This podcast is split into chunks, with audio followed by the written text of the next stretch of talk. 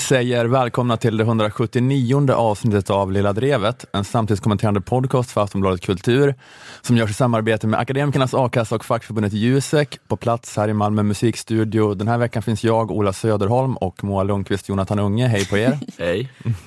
det ser ut som att du är medvetslös. Men jag har frossa. Du är lite, du är lite febersjuk. Lite.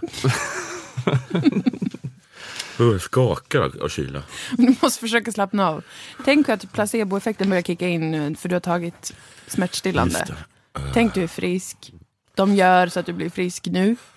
Inom fem, fyra, tre, två, ett. Wow. Okej. Helt frisk. Okej. Va? Vi- Plötsligt blev Moa hela... kan hypnos. Wow. Jonathan var döende här och nu ser han ut som att han skulle kunna leva till hundra. Den här veckan så ska vi prata om, du skulle prata om vedspisar Moa. Hur- Ja, det har, jag har fått väldigt många tips från lyssnare om att, eh, att jag måste ta upp skina ljus över vedspisdebaclet som pågår. Så det kommer hända idag. Ja, ja, ja. Mm. Mhm, mm. Och, så, och du skulle prata om att inte vinna pris Jonathan, eller? Ja, eller jag vet inte. Men jag kanske bara flikar in det i din prata. Men jag tänkte mer prata om eh, politisk korrekthet. Mm. Det är ingen som, vågar, ingen som vågar sparka upp den dörren. Nej, det är ingen som har sagt något om det innan, så nu, idag händer det. Okej, ja. nu får vi spänna fast oss helt enkelt. Ja precis, för du skrev något i vår mejltråd om att du eventuellt skulle prata om, om pris. Ja. Men jag tänkte att, eh, att det var apropå då, jag gissar jag att jag, jag i måndags fick Björn Nilsson-priset. Eh, nej. Konstig eh, Konstigt slutledning. Ja. Under antagning. Wow. Full of yourself much. Ja, Ja, det är det. Det var rätt. Grattis. Det var därför. det var... ja, eh, tack så mycket. Ja, jag vann Expressens Björn Nilsson-pris för god kulturjournalistik, Ja. som är det fullständiga namnet. Ett pris jag då fick av eh, gänget på Expressen Kultur Mm. eh, för eh, mitt arbete som poddare i Lilla Drevet framför allt och Februaripodden också kanske. Mm. Så det är ju ert arbete också som ligger bakom det här priset får man säga. Tack. Just det. Jag måste ju tacka er och eh, Nanna och Liv och, och, och Kringlan tidigare. Eh, jag hade inte kunnat göra det utan er då. Nej. Men mest eh, handlar det ju om mig, Ja. får man ju också säga. Okej, Men det, det var, alltså, de facto var det ju inte Björn Nilsson-priset till Malmö poddare-gänget, Nej. utan det var Nej, Björn Nilsson-priset till, det Ola Söderholm. Ja, det var till. Man läsa allt annat mellan raderna. Ja. Mellan Ola och Söderholm får man läsa det. Där får man läsa alla våra namn. Om, man, Finns om, det man, ett litet, litet utrymme för att läsa in. om man drar in ett, tittar med ett mikroskop där, så står det era namn där också kanske. Nej, det är jag som har fått priset. Ja, Jag, jag, jag, har jag tänkt som man kan tänka när man får ett sånt här pris. Fick du pengar? Ja, jag fick Hur eh, pengar, eh, 30 000. får Rost, man. Rostfritt? Ja, jag tror det. vinst. Jag har inte frågat. Ja, men jag tror det. Jag tror det är rostfritt. Jag tror det är det. Ja, skönt. Mm. Jag kanske borde bjuda dig på middag eller någonting. Ja, Ja, i alla fall, en, i alla fall dryck. Gå på Brogatan kanske, eller någonting. Ja, ja det låter jättebra. Ni får inte beställa förrätt, men annars. Då kommer- Då kommer- då vet jag ex- då vet jag exakt- då vet jag exakt- får du ta vad du vill. då vet exakt vilken huvudrätt jag ska beställa. Den är svindyr. Nej, men Extra bea tack. Förlåt. ja, ja, jag, jag tänkte så, framgång för mig. Man känner sig lite uppe i sig själv Mm. När man får ett sånt här pris. Kul. Och, och, och kulturjournalist också. Ja, det är ju, det är ju Exakt. Det slår, eh, det, det är bättre än eh, en årets man. en Årets man eller liksom Gyllene clownnäsa från, eh, från Nöjesteatern eller något sånt där. Ja, men det precis. Det, det kändes ju fint och högtidligt för mig då. Det ryktas lite om att, att det var ett utbyte med, med Aftonbladet Kultur för att de ska ge priset till, en, till Malte Persson eh, på Expressen Kultur. Har din mamma sagt det? Nej, jag kom på det nu. Vad elak. Försökte du ta ner Ola på jorden? Jag blev så himla glad faktiskt när jag hörde det. Jag fick ett sms av, mamma precis när jag hade fått det tror jag. Mm. Jag blev jätteglad. Och sen så kom jag på att det där uttrycket, varenda gång mina vänner lyckas så dör jag en smula. Då var det inte lika Är kul. det, är det verkligen ett motto som finns? Men då, då är det som att din instinktiva reaktion är unsam, Ja. men sen när du tänker efter så är du missunnsam. Ja, man tänker att det brukar vara tvärtom då, att man så här drabbas i så fall av avundsjukan. Ja, och sen så intellektuellt förstår man att det är fel, men du fungerar på ett motsatt sätt. Alltså Du är god, men sen när du tänker så är du ond. Det var samma sak när jag fick höra om Dilan och Moas tv-serie, så blev jag jätteglad. Och sen så Mm, började, började Sissela, eh, mitt ex då, som deras regissör, att hylla dem så mycket. Ja, just Så nu, eh, Så nu gillar du inte. nej jag började hata er en stund. nu har det lagt sig lite. Ja, vad skönt. Fortsätt Ola. Ja, Jo, men att jag känner mig lite uppe i mig själv då. Och eh, det är i måndags eh, som jag får, det var i måndags som jag fick priset. Ja. Var du uppe? på en gala. Jag var uppe i Stockholm precis. Sen så i, igår tisdag, det är onsdag idag när vi spelar in alltså, men på tisdag dagen efter att jag stått på Nalens scen inför Kulturparnassen och mottagit det prestigefyllda Björn Nilsson-priset, så blir jag kontaktad av en eh, Aftonbladet-medarbetare i sociala medier som säger, jag behöver din mailadress. Okej. Det handlar om Okej. jobb. Jobb? Vi ska snacka What? jobb, jobbförfrågan. Aha. Så jag ger personen min mail och sen så väntar jag och tänker att men nu är det kanske något lite Nå- stort på gång Ja. här. Ja. Att nu kanske något, något Kulturattaché i Paris. något fett erbjudande. Ja, men jag tänker de vill antagligen på något vis bygga mig som en profil Ja, och ge mig en plattform värdig en Björn Nilsson-pristagare. Jag tänker, alltså, hur mycket helsida känner du att du behöver? Efter en liten stund så kommer det i alla fall ett mejl Mm. och det står då eh, så här, eh, citat. Hej Ola, toppen att du hörde av dig så fort. Varför är det roligt? För det var väl inte du det var inte som... du som hörde av dig? Nej, men jag hörde av mig om min mail. Du svarade ja. på ett mejl. Det är väl tack för att du svarade så snabbt. Mm. Ja, Jag eh, tyckte redan det var jättekul. Ja, du Berätta berättar. inte mer. Det var kul som det var. Slut på anekdoten. eh, toppen att du hörde av dig så fort. Jag jobbar med Aftonbladet TVs program, Partiprogrammet, Mm. som är ett livesänt program om politik nu under valåret som kommer sändas från Scandic Malmen i Stockholm en gång i veckan och programleds av Robert Aschberg. I anslutning till själva livesändningen planerar vi att ha ett politikquiz för att dra lite folk och för att underhålla oss och vår gissningsvis ganska nördiga publik. I planeringen kom det upp en idé på redaktionen om att du kanske skulle kunna vara en toppen quizmaster. Huvuddelar, huvuddelar av programmet kommer bestå av en partiledarintervju som vi tänker drar igång cirka 19.20 ungefär. Men för att vi ska fånga upp lite AV-sugna folk och så var vår tanke att man innan det skulle kunna ha ett quiz och sen så eh, lista på vilka datum det gäller då. Det är åtta onsdagar i vår. Och sen så står det, vi skulle ju i så fall helt lämna över quizandet till dig vid dessa tillfällen under kanske 30 till 45 minuter inför vår sändning. Det är planen. Ska vi säga Slutcitat. 250 svart? Mm. Alltså herregud. Oj, oj, oj. Det, där är, det enda som är värre är Vicky van der Lackens mail till Doris Lessinger precis efter de vunnit Nobelpriset. De gav henne en, en roll i den nya Aladdin tillsammans med Markoolio. Och,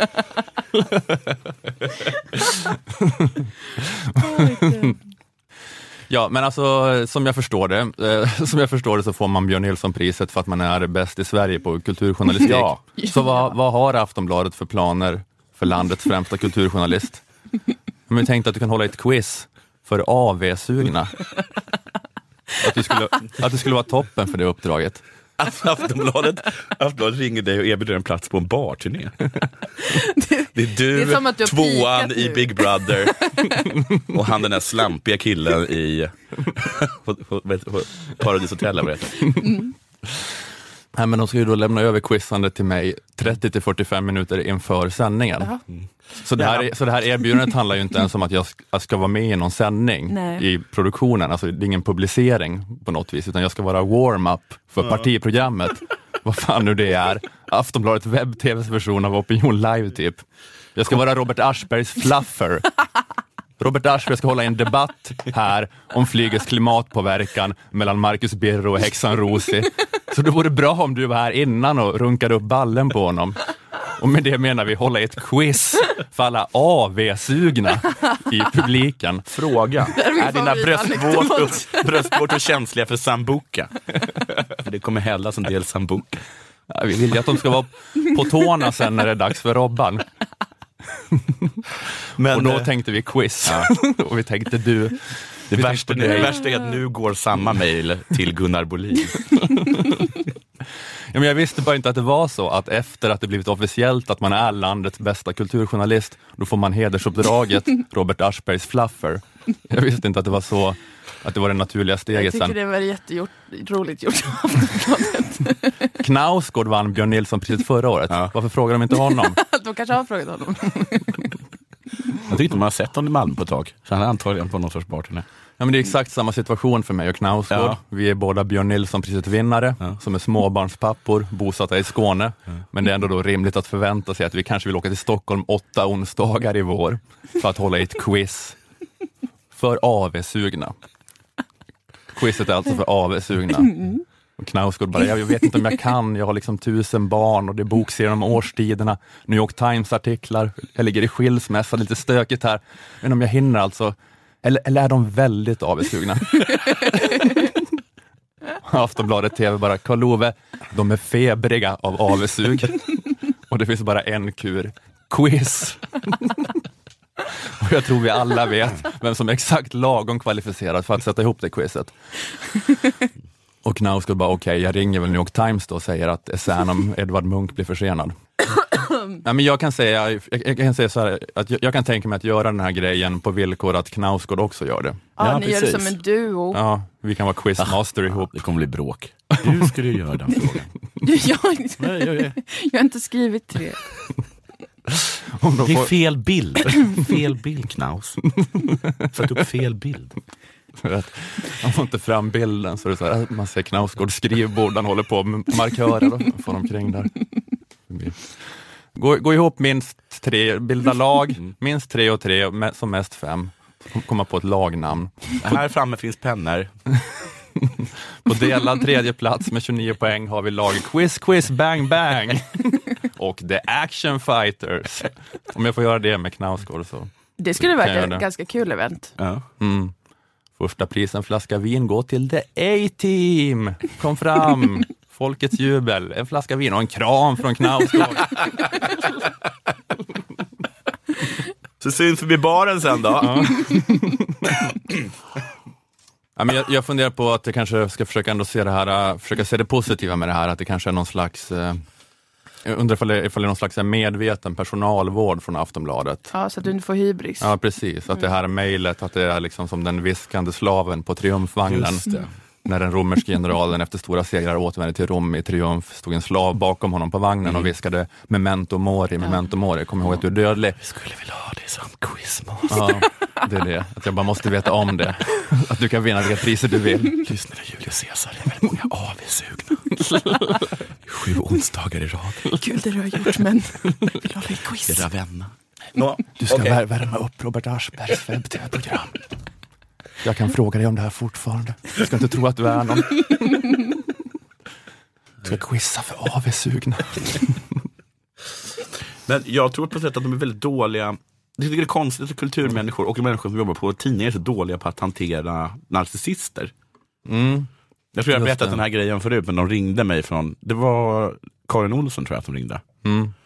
Och berättade att hon hade precis instiftat ett, ett nytt satirpris som de ska dela ut på Expressens kulturs stora festkväll. Mm. Och redan där då så började jag high-fivea med mig själv. Ja, det är klart. Ja, det är väl klart att Ja. jag gör. Ja. High-five, low-five, around the corner. Det är inte att du är delusional. Nej, Utan Nej, det- jag tycker förstår faktiskt det. inte. Nej, jag förstår det. hon ringer upp och berättar Ja, hon ja, jag, nytt jag menade inte. Vad, Hej. Ja, nej, jag håller med. Jag Och håller du är ju bra tyckte att hon sa. Ja, Ja. ja, just det. Det, kan jag, det kanske jag läste in. och sen bara, det ska gå till Liv Strömquist. Mm. Vill du uppträda? Just det. Eh, Dåligt gick det också. Åh nej. Ja, just det. Men Liva pratade om det ofta, att det var jätteroligt, men att det var kanske dålig lyssning i rummet allmänt. Nej, de lyssnade. Alla stod och lyssnade jättemycket. Det var ingen som tyckte det var bra. Den enda som tyckte att det var bra var clownen Manne, men jag tror att han gjorde det för att han är en schysst typ. Han Han vet, han vet hur det Han är. vet hur det är att bomba. Ja. Ja, Liv och clownen Manne tyckte det var jättebra. Ja, i alla fall. Det är min publik. Gud vad många roliga anekdoter jag fick idag. jag ser så mycket kul framför mig. Mm. Clownen Manne. Det var som när jag, när, när, när jag hade gjort min debut på radion på morgonpasset. Och så ringde de och sa hej det är från DN. Och jag bara började high-five mig själv. Och bara, är du intresserad av en prenumeration? Jag bara, men hur kan ni ringa en narcissist Du menar att DN. Prenumerationstelefonförsäljare borde få en lista på folk som har för sköra och tror att de kan bli intervjuade av DN när som helst.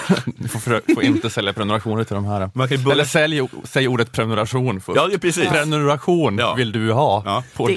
DN. Hej, innan jag presenterar mig själv vill jag bara att du slår direkt ur huvudet allt om priser eller stora intervjuer. Jag kommer från DN.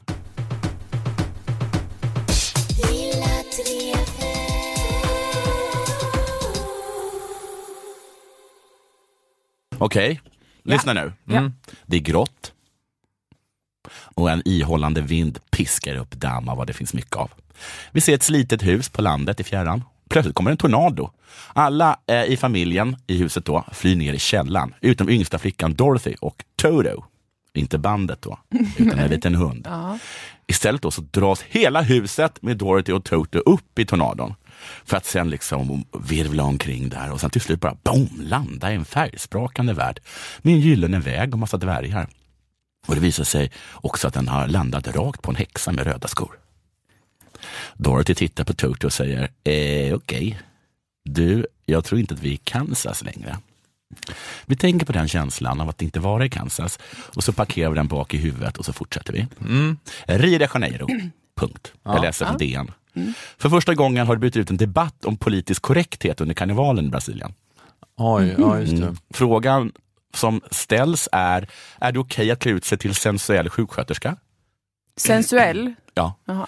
Sjöjungfru? Jemanja, som jag tror är någon sorts, liksom, en sorts liksom, afrikansk eh, havsgudinna. Slash Moder Maria-figur. Eller arab. Arab. Alltså inte, inte Jemanja, det är inte så att hon är moder, tror, Nej. utan alltså, de, det är två olika. De klär ut sig till araber Ja. i karnevalen. Ja, precis. Alltså vadå, är det som någon så här då, Ja, alltså, som att de är i, i ett harem i tusen och natt eller sånt där? Det skulle de kunna Som- tänka sig, men jag tror också att det är bara att de har liksom den här, liksom, den här tunikan och kanske skägg och den här, liksom, eh, Okej, du vet, den här, den här huvudbonaden som är vit tygstycke med en snygg ring runt. okej. Men för det är så i karnevalen, allt i karnevalen går inte ut på att det liksom ska vara så här lite sexigt och avklätt, utan det kan vara också att man bara tycker att det är skojigt med en arab-outfit. Jag tror på något sätt liksom att de som går i själva tåget Mm, tänker liksom bara sex och så är det mycket fjädrar och sådana saker. just det. Och glitter. Och glitter. Men sen så alla människor runt omkring, jag tror att alla klär ut sig. Okej. Och då är det kanske sådär att man är en sexig sjuksköterska eller en rolig arab eller någonting sånt. Okay. De frågar också om det bör förbjudas att sälja karnevalkostymer som föreställer afrikanska kvinnor, romer eller urfolk.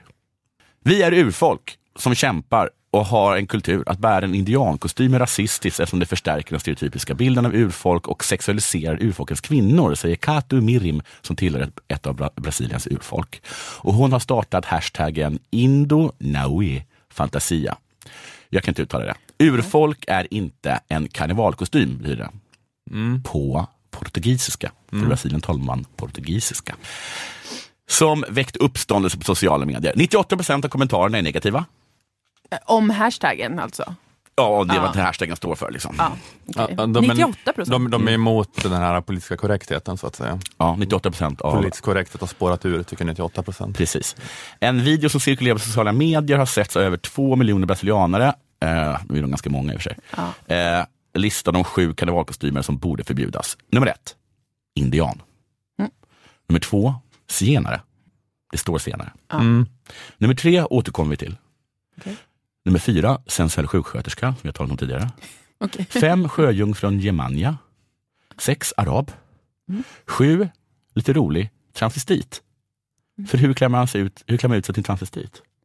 Ja, lite oklart. Det är svårt att veta om man klätt ut sig till transvestit eller om man klätt ut sig till kvinna. Om man är man. Nu återkommer vi till nummer tre. Galen mulatt. Galen. Vad är... Vad? Då känner jag här att vi inte är Kansas längre.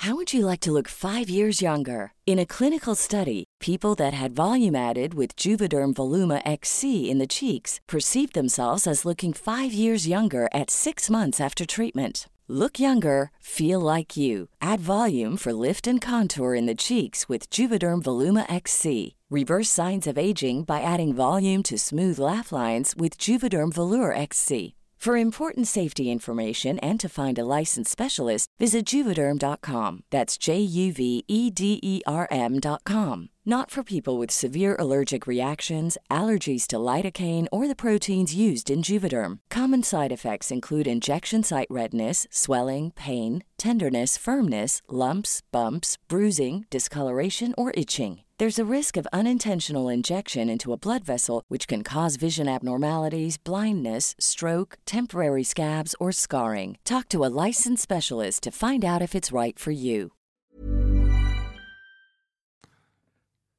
Där var återkopplingen jag till den här berättelsen i början. Ja, jag är starkt, jag ser, förstår inte riktigt, men ändå. Om man byter ut Kansas med Sverige. Ah, ja, Just det. ah, ja, ja. Nu fattar jag.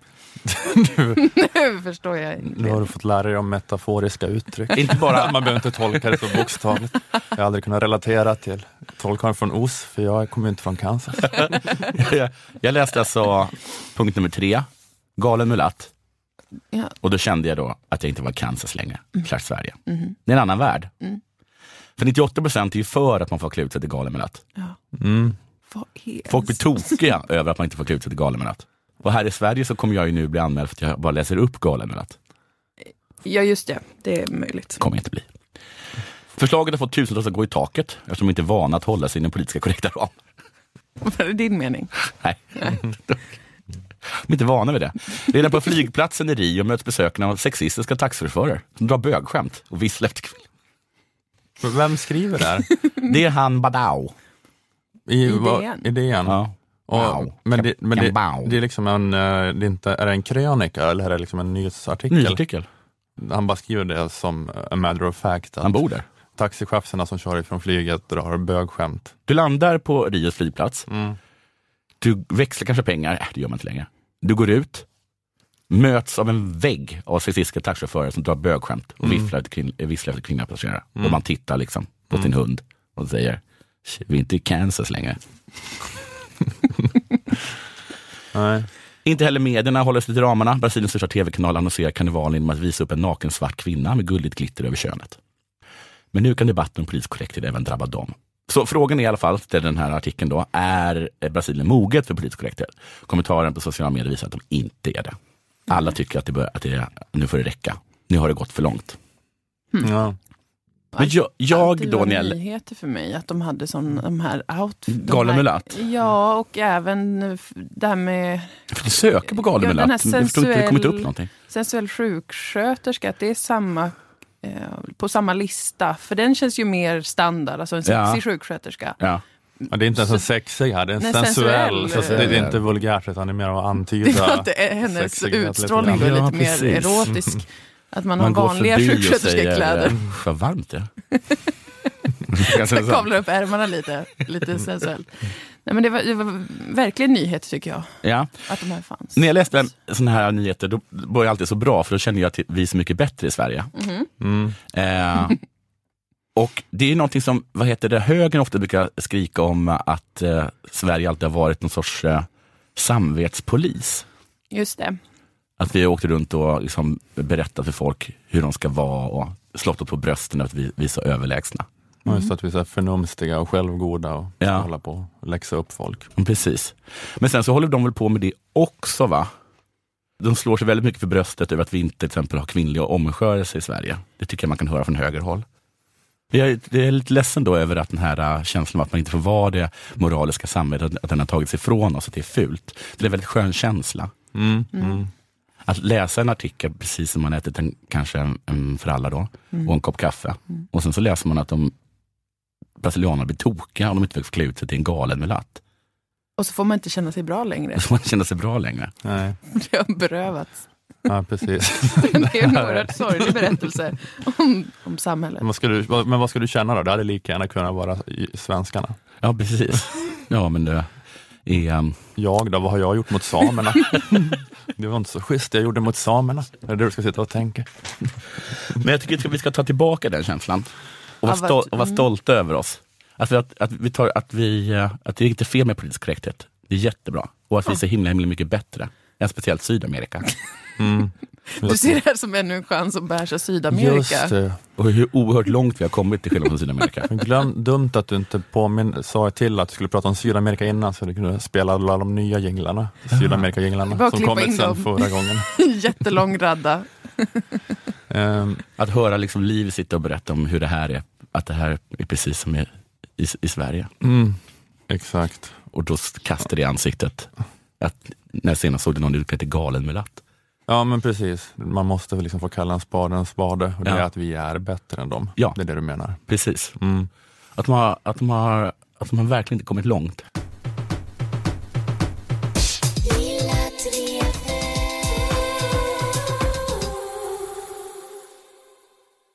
Ja, den här prisbelönta poddkulturjournalistiken är möjlig att göra tack vare våra sponsorer Akademikernas a-kassa och fackförbundet Jusek. Gå in på akademikernas.se och se till att ordna ett a-kassemedlemskap om du inte har gjort det. Endast 110 kronor i månaden och då får du upp till 20 000 kronor i månaden om du skulle befinna dig mellan jobb. Akademikernas är för er som har eller söker anställning, men också för egenföretagare. Om du till exempel har en egen firma och blir av med din största uppdragsgivare, så att det blir omöjligt för dig att gå runt, då kan du lägga företaget vilande och istället få ut a-kassa. Eh, är du eller är på väg att bli jurist, ekonom, systemvetare, personalvetare, kommunikatör eller samhällsvetare ska du gå med i fackförbundet Jusek. Då får du bland annat del av Juseks inkomstförsäkring som ger dig 80% av lönen upp till 80 000 kronor. Eh, att vara med i Akademikernas och Jusek kostar 361 kronor sammanlagt. Är du redan Akademikernas medlem lägger du alltså bara till 251 kronor för att också få vara med i facket. Jusek har också just nu kampanjen Vi vet, som handlar om att det är facket som har den relevanta kunskapen om ditt yrkesliv. Går du in på Juseks kampanjsida, jusek.se vi vet, finns det också ett väldigt bra erbjudande för er som väljer att bli medlemmar nu. Eh, vi säger inte vad det är, utan ni måste gå in där och kolla. jusek.se vi vet. Tack akademikerna och Jusek.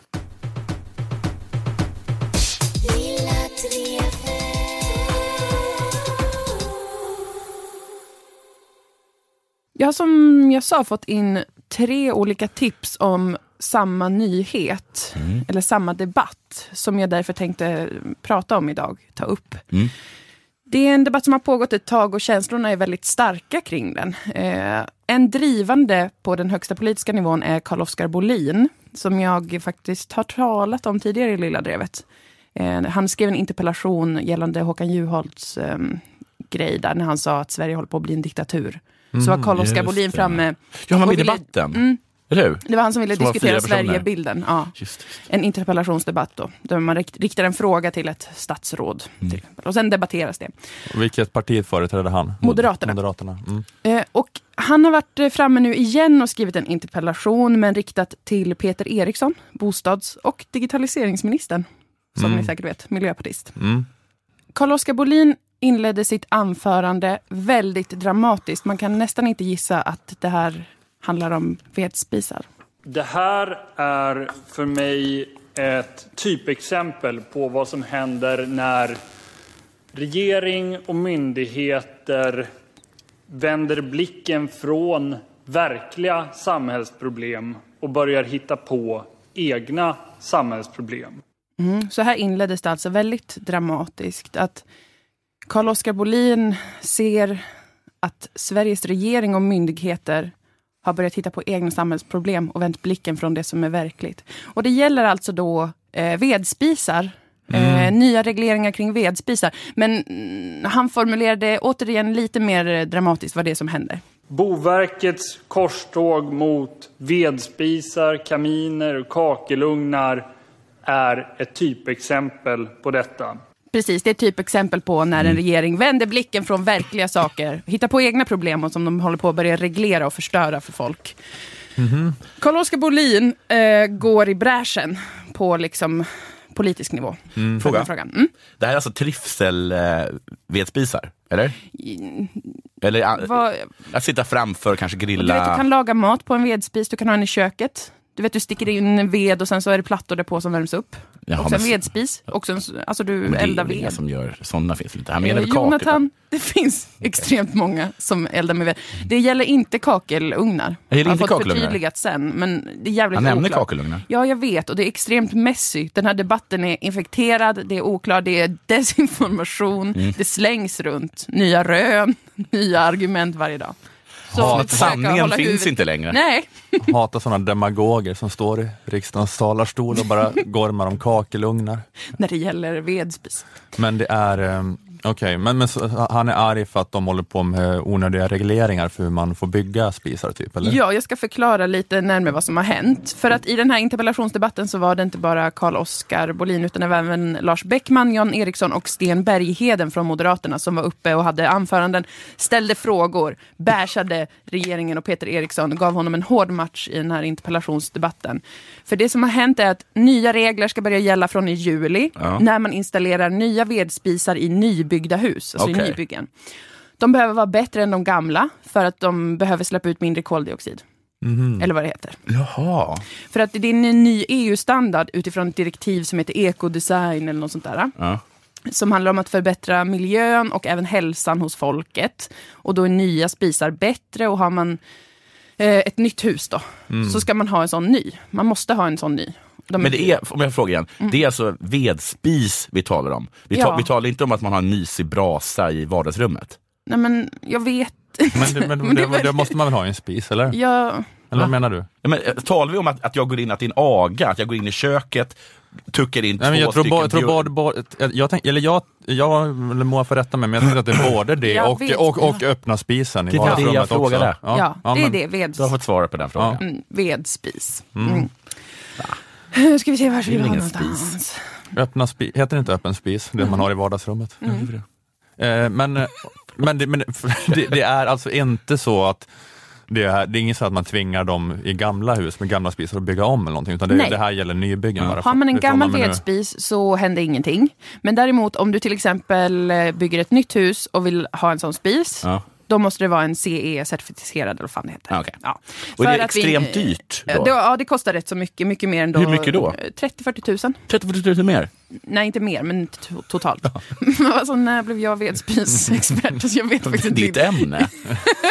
Ja, men, Det är inte jag som tog jag upp trodde det. inte det satt en annan vedspisexpert och ville ställa hårda frågor om vad exakt som definierar en vedspis. Och vad kostar de tidigare då? Ja, men jag vet inte. För guds skull. Eh, men hur som helst då. Det är från i juli det här kommer gälla, men folk är rasande, livrädda, skräckslagna på grund av att de är rädda för att det ska bli så att man inte kan få installera en gammal, vacker, hedlig vedspis när man restaurerar eller eh, gör om i sitt hus. För att då kan det potentiellt råka räknas som ett nybygge och det är här det råder oklarheter kring. Boverket har gått ut och sagt, det är inte det. Nej, Fast så. ändå så säger de, men kommunerna får själva tolka de här reglerna. Så att därför är folk upprörda och säger det finns en stor överhängande risk att eh, man inte får det. Om man älskar en gammal vedspis Ja, och vill man- ha en sån. Man vill renovera i charmig rustik stil Precis, och då vill kanske. Mm. man ha en gammal vedspis. Men så kommer staten då, Ja, Big Brother och tvingar en Och att tvingar ha någon att ha en sån här sån- ny glansig Ja. vulgär. precis. Ja, ja. Att Man, kanske, så här, man är för att nya spisar självklart ska, Att få finnas. ska, ska, ska, Absolut. ska, ska, eh, ska ha bättre utsläppssystem. Men man oroar sig att lagen kommer användas fel. Ja, att man ska bli hindrad av massa byråkrati när allt man vill ha är en vacker gammal vedspis.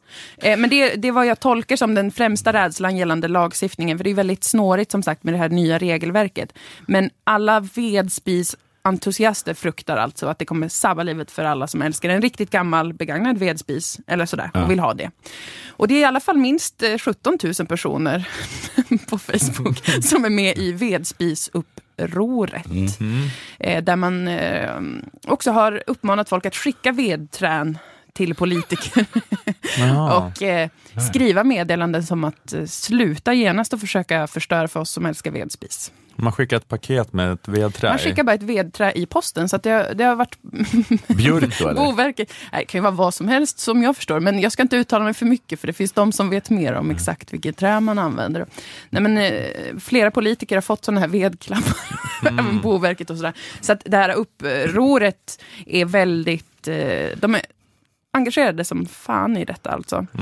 Eh, och dessutom så är det ju så att många upplever då en, att det här är en politisk orättvisa. Att man ska bli kallad någon slags miljöbov. För att man eldar i sitt eget jävla hem med sin egen jävla ved till exempel. Och det här, eh, Lars Bäckman förde talan för de som känner det här. Han är ju också moderat och var med i interpellationsdebatten. Min farmor i Överkalix som eldade i sin vedspis betraktas, som, betraktas nu av en statlig myndighet som en miljöbov. Vem är det som suckar i bakgrunden? Jag tänkte faktiskt ställa den frågan, för jag undrade det också. För att det är någon som suckar och sover eller liksom andas jättetungt under den här debatten. Vem, för, lyssna på den sucken igen bara. Betraktas nu av en statlig myndighet som en miljöbov. Otroligt trött. Och även senare under debatten när Jan Eriksson pratar om att det är all märklig info har skapat en dålig bild i samhället så hörs alltså samma typ av suck. Um, nu finns det en bild i samhället av att politiken vill motarbeta vedspisar och vedkaminer. Och det, är, alltså, det är ett mysterium, vem, jag vet inte riktigt Men, om men, det är någon som sitter nära kameran på något vis. ja, eller vem kan talmannen vara uppmickad? Eller vilka, Ja. vilka är Vem uppmickade? är det som Är det, suckar är det Urban Ahlin? Nu var det en tjejtalman. Tjej. En Och sen Nej, det där lät som en gu- det där, gubbe. Det där lät som en man. man. Mm. Det är någon som i alla fall, det är ett mysterium, men samtidigt kanske inte ett jättestort mysterium. Eftersom att debatten den pågick i 38 minuter faktiskt. Och om man inte själv är jätteengagerad i vedspisgate så kanske man kan känna sig matt. Eh, Är hans farmor i Kalix medveten om att de betraktas som en miljöbov? nej, och, Alltså, jag, har himla säkert, jag har en ganska stark känsla av att jag kan ringa upp henne och hon, Och hon- inte har koll på att hon är, jag ses som en tror inte heller det faktiskt. Och det är ju inte riktigt sant heller att man liksom automatiskt nu anses av regeringen på en sån kriminell miljöbov om man har en gammal vedspis. Nej. Det är ju lite, debatten som sagt den är ganska uppskruvad. Jag fattar inte, men det kan ju inte vara det är ju inte sant att han har en farmor i Överkalix heller. Nej. Ja, hon är borde ju vara död, va? Ja, han är väl, han är typ han är väl över 50. Varför- är jag fattar- död. Ja, hon är ju död. Men Hon här, släpper inte ut någon koldioxid längre. var, det, var, det, var det repliken? Ja precis, Men Peter hon- Eriksson bara, hon är död. Hon är död. Hon kanske är väldigt ung. Ja, men alltså Lars Bäckman, han är väl ändå över 50? Eller? Det måste han han är väl vara. en medel, övre medelålders man. Ja men hon var väldigt ung när hon fick barn. Ja, men då kan hon hon, vara måste ändå. ändå varit död rätt länge. Alltså. Fast jag är 40 och jag har en farmor. Ja. Ja. Han kan ha en farmor i Överkalix som eldar en vedspis, men hon känner sig inte som en Hon, miljöbov. är, hon är för gammal för att elda. Ja. Ja. Hon ska inte hålla på med Det är tändstickor överhuvudtaget. Det, ja. Men ska min farmor Ölekarls nu betraktas som en trafikbov? för att hon kör traktor längs motorvägen. Nej, förlåt. Ja. Ja. Den här debatten eh, Ja. den pågick som sagt i 38 minuter. Jag Ja. har sett nästan hela, eh, eftersom att vi måste ju följa vad som händer i vårt eh, land. Och det här är nu en väldigt stor grej. Det, det hände mycket under den här tiden. Jag var själv eh, förbryllad över vilket tonläge den inleddes med. Ja, Eh, i korståget. För att jag, ja, och jag visste faktiskt inte överhuvudtaget att det här med vedspisarna var en stor grej eh, för Sverige, alltså för landet. Eh, men det var det och de hade under debattens gång en någon slags an- anekdottävling. Lars Bäckman berättade om sin farmor i Överkalix. Eh, de pratade också om vikten av en vedspis när det blir kallt. Och där så var, vad heter han? P- Per? Per Eriksson. Jag blandade ihop alla dessa gubbnamn. Men. Men. Eh, nej, men de hade en liten anekdottävling om vem som har eh, vem som älskar vedspis mest. För Ja. att eh, Miljöpartiet älskar ju ändå vedspis. Mm, Just det. just det. Eh, den lät lite så här. Bäckman versus Peter. Jag har själv suttit i Överkalix hos mina släktingar när det var minus 38 grader och ström. Och kallt. Då var det fantastiskt bra att kunna elda. Jag har själv varit med om minus 47 grader i Venixel i Norrbotten. Och, och eh, då är man väldigt glad att det finns eh, en kakelugn eller en vedspis eller en kamin. Jag har suttit på Djurgården i minus fem tror jag. Då hade du inte kunnat vara med i den här debatten, Jonathan. Elen funkar svinbra, men det var ju väldigt vackert. Du är sämst på den här Monty Python-sketchen. Jonathan. Ja, men Peter Eriksson älskar själv eh, vedspis och han sa ju det som svar på tal. Det kom ju upp moderat efter moderat efter moderat med olika anekdoter. Det var många som har rötterna i Kalix. Ja, nej, det var bara Lars Okej. som gick upp flera gånger. Ja, ja. Men hur som helst så var eh, Peter Eriksson tydlig med att han älskar vedspis och regeringen, Miljöpartiet, Boverket vill inte hindra folk från att elda i vedspis. Nej. De tycker att det är toppen jävla bra, särskilt när det är 47 minusgrader Mm. och man knappt skulle 47. överleva utan. Är det sant? Ja, det kan ha hänt. Men det är inte bara det här med att man älskar vedspis, det är en hel grej med det, det kan bli varmt av en vedspis. Utan ett annat viktigt argument som eh, förs fram hela tiden i den här debatten är att det vittnar om, det här beslutet vittnar om vidrig dubbelmoral från regeringens sida. Carl-Oskar Bolin får berätta varför det är en sån himla stark dubbelmoral. Det här är oansvarigt utav en regering som med andra tungan säger att vi behöver öka civilsamhällets kris beredskap, stärka robustheten vid kriser, samtidigt bara se på när en myndighet tar fram ett sånt här regelverk som de facto kommer göra det svårt eller omöjligt att installera gamla spisar i hus som idag redan har en murstock som inte används. Ja, Hur många ga- gamla spisar finns det? jag vet inte. Men hur kan regeringen säga att vi ska ha en bra krisberedskap samtidigt som de efter en ny EU-standard inför ett regelverk där nybyggnader måste ha nya miljömärkta vedspisar. Men det här kunde inte Peter Eriksson riktigt svara på. Eller jag menar, han svarar ju det att det är inte att vi försöker förhindra er från att ha en vedspis. Ni får ha er gamla vedspis, men nu när det byggs nytt och vi får förtydliga det bla bla bla. Men det är alltså att de kommer in väldigt mycket på detta att det här handlar om att ifall det blir krig så kommer man behöva sin vedspis för att överleva om elnätet ligger nere. Eller vad det nu heter. Ni förstår vad jag menar. Men det kan ju inte vara mer än eh, ja, 3000 tydligen- personer i Sverige. Nej, men eller så är Hur det många för att vi har- har ett sånt Malmö-perspektiv. Kanske alla utanför Malmö, Stockholm och Göteborg har en Aha. vedspis. Jag vet inte, men det verkar ju vara i alla fall några stycken. Men att man ska kunna bli mer självförsörjande på något vis då, helt enkelt. Ja. Men då borde väl alla, det borde vara lag på att alla har vedspis? Eh, stopp, vänta Jonathan. Oj! Vad är det här för förslag från Lars Bäckman?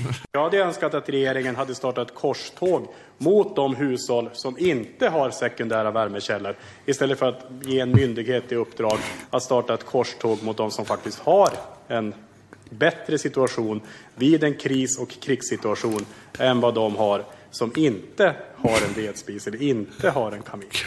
Men det, då är det, då att det är ett korståg med flera miljoner svenskar. Ja, ett korståg. Alltså, vi ska ha ett korståg mot alla som inte har vedspis, sträcker sig Lars Bäckman till att tycka och säga att det är de som har gjort fel, för att de kommer dö när det blir krig, så då kan vi lika gärna nu döda de som inte skaffar en vedspis, Ja. kanske. Om det, det, han menar inte ett sånt korståg kanske, utan mer att man ska lagstifta kors... Alltså, så. Alla måste ha vedspis. Ja, tycker Lars och tycker Moderaterna verkar det som. Vi gick väldigt snabbt från då lite det här klassiska moderata högerperspektivet att vi är emot liksom lag och regleringar och sådär Till fel lag. över- Ja, precis. Och sen så bara eh, vände snabbt till en sådär superomfattande påtvingad liksom, lag på alla medborgare i Sverige. Att alla lägenheter ska innehålla en vedspis. Och den ska vara gammal. Den ska vara gammal, den ska släppa ut jättemycket koldioxid. Man ska helst få cancer av den. Och där, ska- där ska man sitta och klara sig när kriget kommer. Men vilket jävla projekt att installera en vedspis i varenda svensk Ja, hushåll. visst blir det jobbigt, men det kommer vara värt det när kriget bryter ut. Eller när eh, infrastrukturen ligger nere, för då kan man sitta hemma och elda. Men då måste vi liksom bygga in ett, ehm, ett, ett skorstenssystem Ja. i, i, varenda, i varenda hus. Ja, det är något. För det är inte bara att installera en, en vedspis och tacka och gå därifrån. Det, det måste ju ut då. Ja, visst. Ja visst, de har skorstenar, spisarna. Ja. Det är en hel grej. Man märker ju nu varför det blir sån himla, himla stor debatt. För det är så många detaljer som man inte förstår, men man vill förstå. Vad, Eller gör, vill man vad det? gör de med dem på andra våningen typ? Jag vet inte Jonathan. Vart ska alla bo under den här jättestora renoveringen? Vi måste bygga upp stora tältläger, baracker, där liksom alla som bor i lägenheter inne i städerna får flytta ut och bo i. Medan liksom Moderaterna river upp varje husgrund i, i hela Sverige. Och installerar, installerar en gammal spis. Jag har inte råd med nya höghastighetstågen. Vi ska installera gamla, gamla, börja göra replikor av gamla och sätta in dem. Men Varför det? Ja, men för att Lars Bäckman fick ett infall i den här interpellationsdebatten och vi vägrar backa under ett valår. Så Vi, ska, vi borde pusha Moderaterna och säga att de ska Ja. hålla det här vallöftet. Om eh, korståg mot alla som inte har vedspis.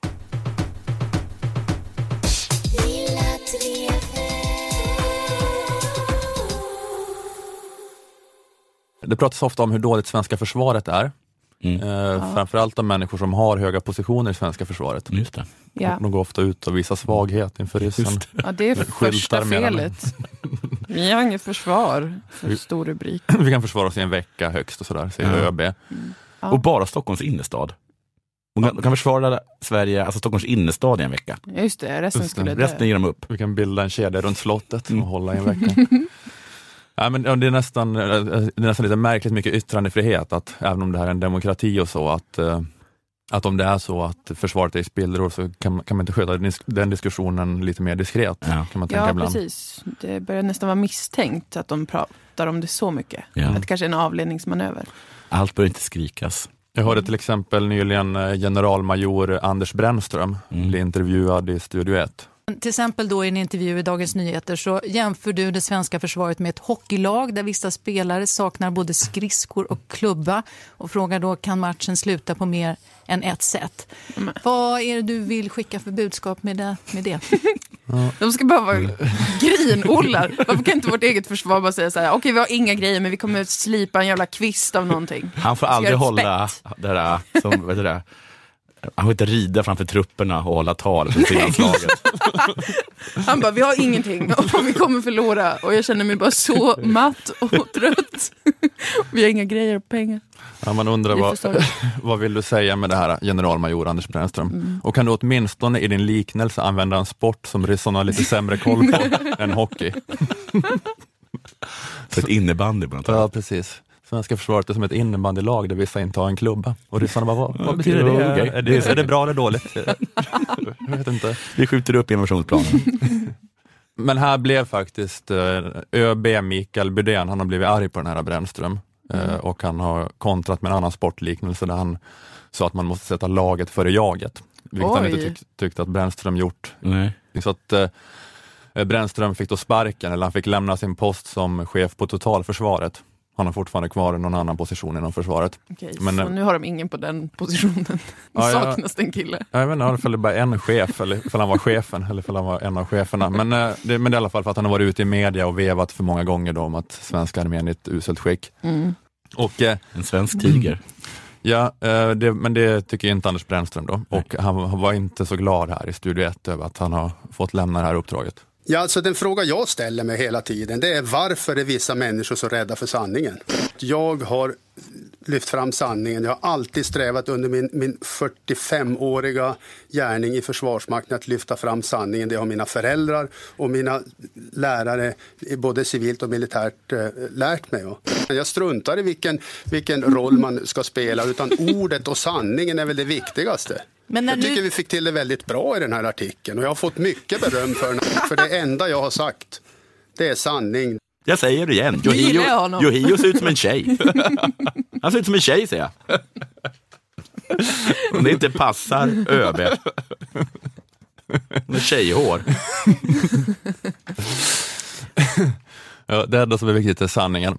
Sanningen också känd som krigets första offer, eller hur? Men det är tydligen det enda som kan besegra Putin. Det första, det första som skjuts vid en invasion är Brännström. Då. Ja, men jag, jag, gillar honom, jag, jag gillar honom också Moa. Ja. Man ska inte raljera över Anders Brännström här Han och, och hans lidelse för att, för att sanningen om det svenska försvaret ska fram. För det man kan säga om generalmajor Anders Brännström, efter att ha hört en tio minuters intervju i studiet med honom, det är att han är en sjujävla kar. Men att, att på Försvarsmaktens skattefinansierade hemsida säga att jag inte är lämplig. Va?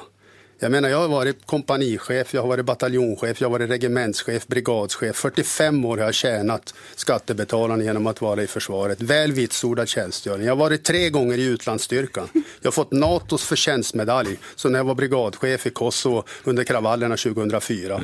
Före fredag klockan 15.30 när det här hände, då hade jag, var den enda i Försvarsmakten tror jag som hade två stycken heltidsjobb samtidigt. Jag har gjort allt jag har fått uppgifter om och lite till. Det, här, det, här, det är som en, eh, det är som en vet du, föraning om hur din intervju kommer se ut när vi kickar dig från Lilla Drevet. Jag gjorde allt. Jag klippte. Björn Nilsson. Det är tack vare bara jag som klippte och läste. Nej, vi, Fan vad, vad mycket vi har gjort. ja, men visst vill man att eh, han ska leda en in i strid. Ja. Ja, Jag, Eller jag vill inte ha strid, men Ja, men jag får sådana rysningar av hans röst. Men det, jag tror att det, han är från, eh, han, det är sånt jävla Luleå-mål. Han är från Luleå som jag, så han låter så mycket som den typen av alfa. Ja. Uh, alfahanne som jag var rädd för och eh, älskade samtidigt och, Ja. och ville ha bekräftelse av. Jag tar tillbaka det där med att, han, att han inte ska hålla talet. nej, han ska verkligen hålla talet. Ja. Men apropå då det här med att eh, svenska försvaret är hockeylaget som inte har utrustning, så är det det senaste som har lyfts fram som ett eh, tragikomiskt exempel på hur illa ställt eh, det är med svenska försvaret. Det är det här fiaskot med helikopter 14, som den kallas. Ja, välkomna till kvällens Aktuellt där vi ska börja med Försvarsmaktens nya helikoptrar. Just precis, inte nog med att de levererades flera år för sent. Det kostar dessutom 200 000 kronor i timmen när de används. Fem timmar i luften kostar alltså en miljon. Ja, Oj. försvarets nya helikopter är väldigt dyr. Och, och, Hur kan den vara så dyr? och vad är förklaringen till det? En förklaring är att det är en modern helikopter med avancerade system som är dyra att underhålla, enligt Jonas Nällsjö som är chef för helikopterflottiljen. Ju mer avancerade helikoptrarna blir och ju mer eh, system som man, som man eh, installerar, desto dyrare blir så att säga, driftkostnaden på helikoptrarna. Ja, den är himla dyr för att den är så modern och så himla fylld med ny avancerad teknik. Så, men, så de, måste, de, eh, måste de göra liksom en, vad heter det, måste de eh, stänga av och sätta på? Eller ja, inför varje flygning så måste de eh, Jag, gå igenom? jag har inte sett eh, kostnadskalkylen i detalj, Nej. eh, Men jag trodde eh, det kan kosta så mycket. ja, det ger då väldigt höga kostnader i alla fall. På grund av de höga kostnaderna så kommer Försvarsmakten i sitt budgetunderlag till regeringen den 1 mars kräva mer pengar till systemet enligt vad Ekot erfar. Samtidigt så överväger försvarets ledning olika sparalternativ, som att dra ner på hur mycket helikopter 14 används eller att helt enkelt sluta använda de nio helikoptrar som har markoperativ inriktning. Men ett problem för ledningen är att helikoptrarna behövs, exempelvis för trupptransporter. Och skulle verksamheten läggas ner så står försvaret med utbildade helikopterbesättningar utan uppgift, vilket ledningen ser som ett problem. Ja, ja, men eh, det man kan förstå om Helikopter 14 utifrån det här inslaget i Ekot är att den är jättebra och modern och att den verkligen behövs. Ja. Så det låter ju ändå som en rimlig deal, alltså att man får utväxling för pengarna på något vis. ja, precis. Det är inte så här att den bara är snygg. Eller det, Ja, tonade rutor. nej, men jag vet, man kan inte, ja, ska man verkligen vara dumsnål i det här läget? Det går ju inte att flytta trupperna utan den, Nej. sa de. Nej. Det, är, och det blir ju alltid billigare om man gör så att eh, det inte går att spela hockey. Det är alltid billigare. Ja. Ja. Men det, det kanske inte alltid är den bästa strategin då, om man är ett hockeylag. Om vi ger soldaterna knölpåkar istället för helikopter 14, så är ju driftskostnaden bara 20 öre per timme istället för 200 000. Nej men det, det, det är tydligen då det här som är problemet med helikopter 14. Varje flygtimme kostar 200 000 kronor. Fem gånger så mycket som den något mindre helikopter 16, internationellt känd som Black Hawk. Jaha, så, så, man hade kunnat ha... Vi hade kunnat flyga omkring med den något mindre Black Hawk för bara 40 000 i timmen. Men det är den som vi har, hade tidigare. Jag, alltså jag tror att det, det har köpts in några Black Hawk också. Ja. Vi har lite både och. Black Hawk är lite mindre och mycket billigare. Ja. Jag har inte riktigt förstått hur eh, kostnaden 200 000 i timmen för att flyga helikopter 14 räknas ut. Nej. Men jag har förstått att det inte bara då han, kanske inte bara är det här eh, det är inte att den måste kosta så bara för att den är så bra tekniskt avancerad, utan att det har att göra med den här oerhörda förseningen som har varit och väntan på olika reservdelar i tio år som gjort att de har stått på marken och kostat. Jaha. Att, så att det är liksom mycket pengar som har gått in i ganska få timmar i luften eller något sånt där. Jaha, men sånt. den kostar det är inte så, det är inte så att det dras på, från budget. Alltså, det är inte så att, man, att det, det, liksom, det dras då 200 000 varje timme från, från det här liksom kontot på SCB som ÖB har. Ja, men det, det är väl att de har, de har väl pengar från eh, statsbudgeten, försvaret Ja. och utifrån det, ja precis, att de måste begära mer pengar för att det har varit så mycket krångel med de här eh, helikoptrarna. Så de har blivit kanske dyrare än vad som var tänkt från början. Ja, de, Typ. de kommer inte fortsätta att kosta 200 000 kronor i timmen. Jag vet eller jag tänker ju mer de används så borde väl snittsumman per timme Ja. sjunka, tänker jag då kanske. Eh, Kör en, vad heter det, Sara Skyttedal och bara åk med honom svinmycket istället. Så kommer du se att det går ner. Just det, det är, ja, men, ja, men det är kanske just det att eh, lite då att Sverige har gått på en blåsning och köpt drömkåken som Ah. inte gick att bo i, men då efter 18 sorger och bedrövelser är den nu, drömkåken nu färdig. Och, borde vi och då är det dumt att sätta eld på den Ja, nu. då borde vi fira och bara åka runt i den jämt. Så jag, jag Ja. förstår inte riktigt det här snacket om att Nej. helikopter 14 kanske ska ställas undan nu. Nej, var- Gör det saken bättre? Har du sett den här Grand Designs? TV-programmet? Eh, Nej. Som en engelsman som går omkring och så får han liksom följa med när eh, ofta ett par bygger ett helt fantastiskt hus från Ja. grunden. Mm. Och så får man följa i alla problem och sen på slutet så sätter han sig alltid i det nya huset då, som är jättefint och så frågar han, var det värt det? Och så får han nästan alltid svaret, nej, det var inte värt det. Vilket sorgligt Ja. Så, så man får tänka så, att det var inte värt det. Men nu har vi det. Men nu har vi det. Ja. Nej, just det. Nu kör vi. Ja, precis. Eller liksom ska vi ta alla helikopter 14 och krascha dem in i Nya Karolinska? så att allt bara försvinner i ett hav av eld. Som någon slags re renande ritual. Vi kan få en clean start. Vi sätter bara eld på hela Sverige nu och så dör vi tillsammans och sen får någon annan bygga upp något nytt. Som alla ansvariga politiker då, sosse-regeringen från 2001 som beställde helikopter 14 och landstingsmoderaterna i Stockholm bakom Nya Karolinska. De får sätta sig i alla helikopter 14 och kamikaze köra ner i sjukhuset i Solna. Det är vårt nya vinterblod. Bli så, precis, sån härlig katarsis för skattebetalarna. Här får du orden, kan vi stå och skrika. Det blir jättebra skörd nästa år. Ja. Nej, jag vet inte. Ja, men jag, jag, jag vet inte varför vissa pratar om att ställa undan helikopter 14. Utifrån den information jag får ut förstår jag det inte riktigt då. Men jag är ingen expert på de här turerna kring helikopter 14, men i princip tycker jag att det låter dumt eh, att så här, dumsnåla för mycket i de här frågorna också. Det, det är som Anders Brännström säger. Och det är helt klart att vi ska kämpa till sista kvinna, sista man och sista patron. Men det är bättre att kämpa för att segra än att kämpa för att dö.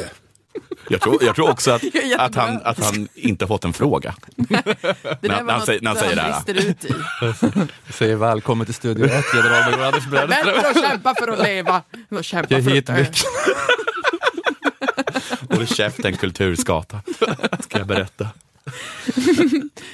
Men Ja. det, ja. Ja, men det har han ju rätt i. Bättre att kämpa för att vinna. Vi har inga Segra. klubbor, vi har inga skridskor. Vi ska kämpa till sista kvinnan. Ja, jag måste i och för sig säga att jag missade det här mötet där vi bestämde att det är helt underförstått att vi ska kämpa till sista kvinna, sista man, sista patron. Är vi säkra på det? Att om ryssen kommer, då är det självklart att vi alla är inställda på förintelsekrig. Det kommer bara finnas ett sätt att besegra svenskarna och det är att slå ihjäl varenda en av oss. Ryssarna kommer inte ta en levande svensk krigsfånge. Så varje svensk radhusmamma som en rysssoldat går fram till kommer utlösa en handgranat hon har i fickan att försöka få med sig det inkräktare i döden. Spänn fast dynamiten på barn, dagisbarnen. Så länge det lever ett dagisbarn har vi inte gett upp. Även om jag har oerhörd respekt för Fan vad Anders coolt om vi skulle göra så. Om vi kämpade så jävla hårt. Jag faktiskt inte. Jag vill Men jag är nästan lite sugen på det. No. Ja, äh, men det, ja, jag vet inte. Ja, men jag, även om jag har oerhörd respekt för Anders Brännström. eh, Och skulle göra som han säger. Så eh, jag, ändå- ja, jag skulle göra som han säger, men jag är inte så säker som han är på att alla i Sverige är med på det här tåget. Nej. Att han var väldigt övertygad om att nu talar jag väl för alla här, det är ju självklart. Men det är ännu bättre om vi har Han och skridskor och klubba. Han står och skriker på en tom kulle. Är ni med mig? Jag hade inte tittat bakom ryggen, jag har stått och skrikit ett tag, så kollar han bakom. Är det bara jag som står kvar där? En gammal pansargranater. Ska gå fram och slå någon i huvudet med. Jag står kvar Kort- här, för du, du, du låter som min fotbollstränare när jag var 12. Ja, Så att jag, Kort krig, bara två förluster. Nej, jag, jag vet inte vad jag ville säga med det här. Jag ville kanske mest bara säga att eh, jag ville mest kanske bara spela upp Anders Brännströms Mm. röst. Och vi, Det var så, intressant. så vill jag säga att det känns tryggt med honom den Ja. dagen Putin kommer. Eller, så här, eller om, han, om han någon gång genomför en militärkupp eh, för att Mm. hindra att Muslimska brödraskapet tar makten, så kommer jag vara glad att det är just han i alla fall. Ja, du kommer följa honom. Jag tror Och- Brännström kommer utmana Putin på, på en kamp till döds. Mm. Och eh, med start eh, 20 mars och åtta onsdagar framåt så kommer jag och Anders Brännström hålla ett quiz för avigsugna på Scandic Malmen också i Stockholm. Du, Innan Robert Aschberg debattprogram. eh, men varför går inte han in? Varför går, det, är så, det är väldigt sällan som svenska militärer går in i politiken, va? Eller? Det är Björkis, va? Det finns det fler? Eh, ja, just det. Han, är, han, var väl ändå inte, han var väl inte heller en känd yrkesofficer. Liksom. Han var ju väl på en ganska låg nivå. Okej. Ja, men den, precis den här är, Fan, det här, det här kändes ju ashärligt för Ja. Smiller. Som gillar ja, män och auktoritet. ja, men i, och någon som bara bestämmer. jag, vet ju, jag vet ju ingenting om hans eh, politiska värderingar, men han låter ju väldigt tann på rösten Mm. i, i dessa galtantider då Tando dominerar. Så att på så vis hade han ju varit passat in i det politiska klimatet just nu. Ja. Att, eh, att om alltså det parti, om sossarna eller moderaterna värvar honom så Ja. kan ju SD åka ur riksdagen. Ja. Tror jag, till nästa val. Att bara den röstade gör att, att det, det räcker liksom för att locka tillbaka alla. Ja, Alla skriva alla sura gubbar. Men, men jag, blev, ja, jag blev riktigt eh, Jag är så, något väcktes i din blick. En längtan efter att få dö för landet tillsammans med Brännström. Plötsligt kändes det som att det kanske finns något som betyder något. Det finns något större att dö för. Mitt, Kände jag när jag hörde Anders Brännströms röst. mitt och min dotters liv kändes så meningslöst. nu har vi hittat något. Som vi kan tro och dö för. Jag ska hämta henne, hämta henne tidigt idag och berätta allting. De goda nyheterna.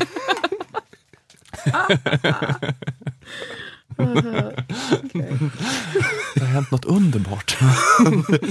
Du vet det där hålet vi har i bröstet älskling? Det är fyllt. Pappa ska gå med i hemvärnet. Du ska lära dig att dra ut en eh,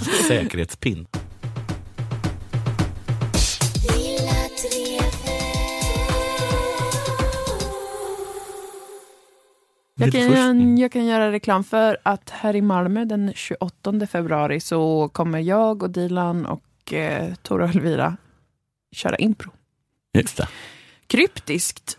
Vad- Är det inte mer info vilken lokal eller hemsida? Babel. Babel. Och det är oslipat. Klubben Oslipat som håller till på Babel. Det finns i nuläget ett fåtal biljetter kvar som man kan knipa. Mm. Jag ska gå och kolla. Var hemskt länge sedan jag var på impro. Vad är det för ljud? Jag vet inte. Eh, och jag vill puffa för eh, min kommande turné med Branne och Ahmed. Sämst, som börjar i mars, slutar i maj. kommer vara massa olika ställen. Gå jättegärna in och köp biljetter på sämst.se. Eh, det kommer bli grymt. Härligt. Mm. Okej, då säger vi tack till Aftonbladet Kultur, Akademikernas A-kassa och fackförbundet Jusek. Tack till Malmö musikstudio där vi spelade in. Jag heter Ola Söderholm, ni heter Moa Lundqvist och Jonathan Unge. Vi hörs igen om en vecka. Hej då. Hej då. Hej då! Nu ska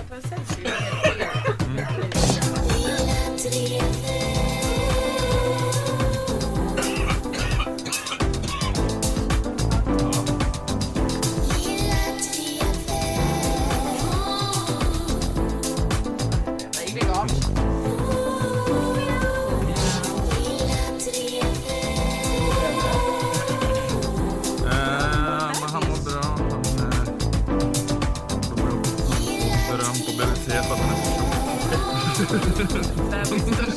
så klok.